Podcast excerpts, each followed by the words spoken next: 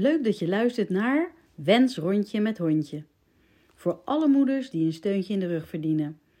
Het is mijn wens om vooral moeders weer te laten vertrouwen op hun intuïtie.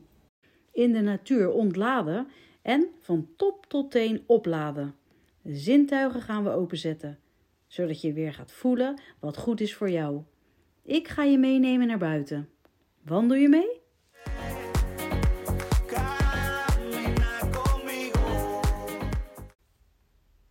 De W van Wendy's wens.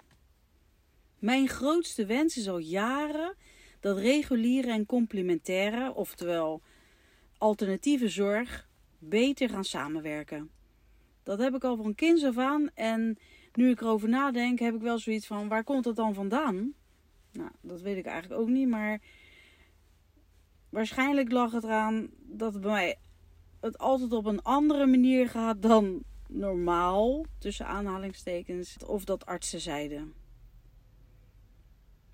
Ik voelde dat het ook op een andere manier opgelost kon worden.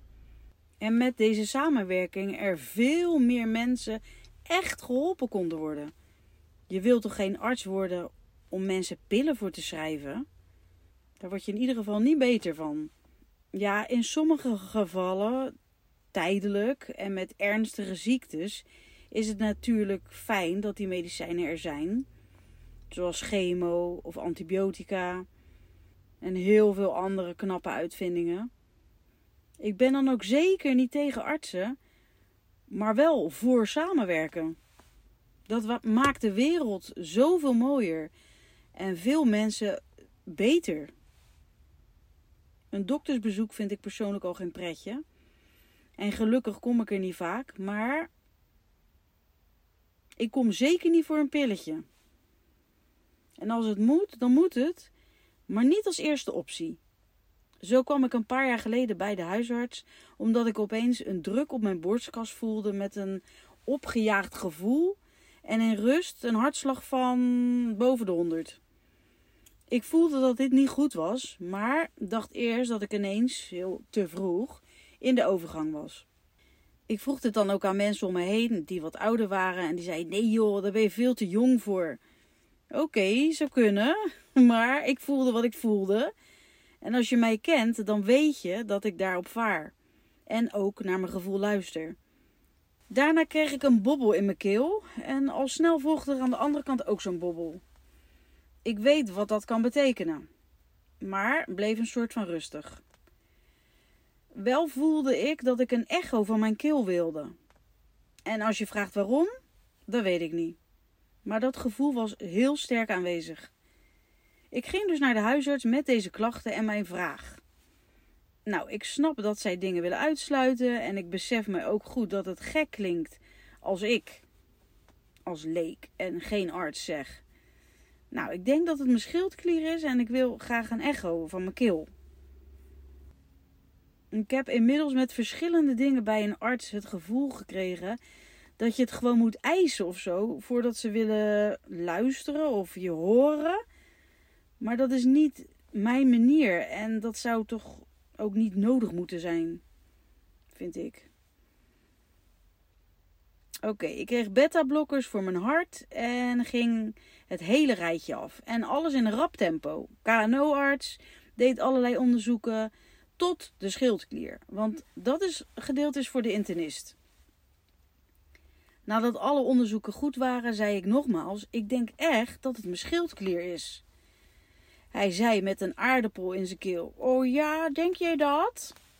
En ging achter mij staan om nog eens die bobbels in mijn keel te voelen en duwde er heel hard op. En dat gaf me echt geen goed gevoel. Eigenlijk wilde ik daar ook meteen weg, maar zei nog wel: Mijn wens is dat artsen beter met elkaar gaan samenwerken met alternatieve zorg. Niet dat het in mijn geval voor dit iets had geholpen, maar ik mocht wel meteen vertrekken. We hadden niet zo'n goede match, zullen we maar zeggen. Aan het einde van de rit ben ik op eigen initiatief naar DC-kliniek in Rotterdam gegaan. Mijn vader reed me naartoe. Ik stapte uit en hij wachtte in de auto. Ben daar perfect geholpen, kundig en met aandacht en kreeg meteen de uitslag. Een ontsteking aan mijn schildklier. Zie je wel, ik dacht al zoiets. Gelukkig een ontsteking en geen ergere dingen, maar wel die schildklier. Dan beland je dus bij een internist en die schreef al een recept uit voor een hardwerkende schildklier. Medicijnen? Wacht eens, het is toch een ontsteking? Die kan toch ook gewoon overgaan?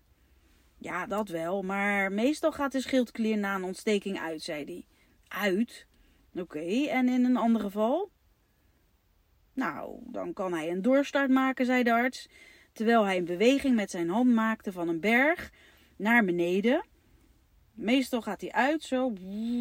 Hij deed even een recht stukje en weer een berg omhoog. En soms maakt hij dus die doorstart. Oké, dan ga ik daarvoor. En dan geef ik het eerst tijd om het te genezen. En dan zien we wel verder. Zo gezegd, zo gedaan. En de ontsteking is uiteindelijk vanzelf overgegaan. Bobbels weg, klachten weg en dat zonder medicijnen. En dat gedeelte van het niet eens de tijd geven en kijken naar een alternatief vind ik erg. En daarom is het nog steeds Wendy's wens.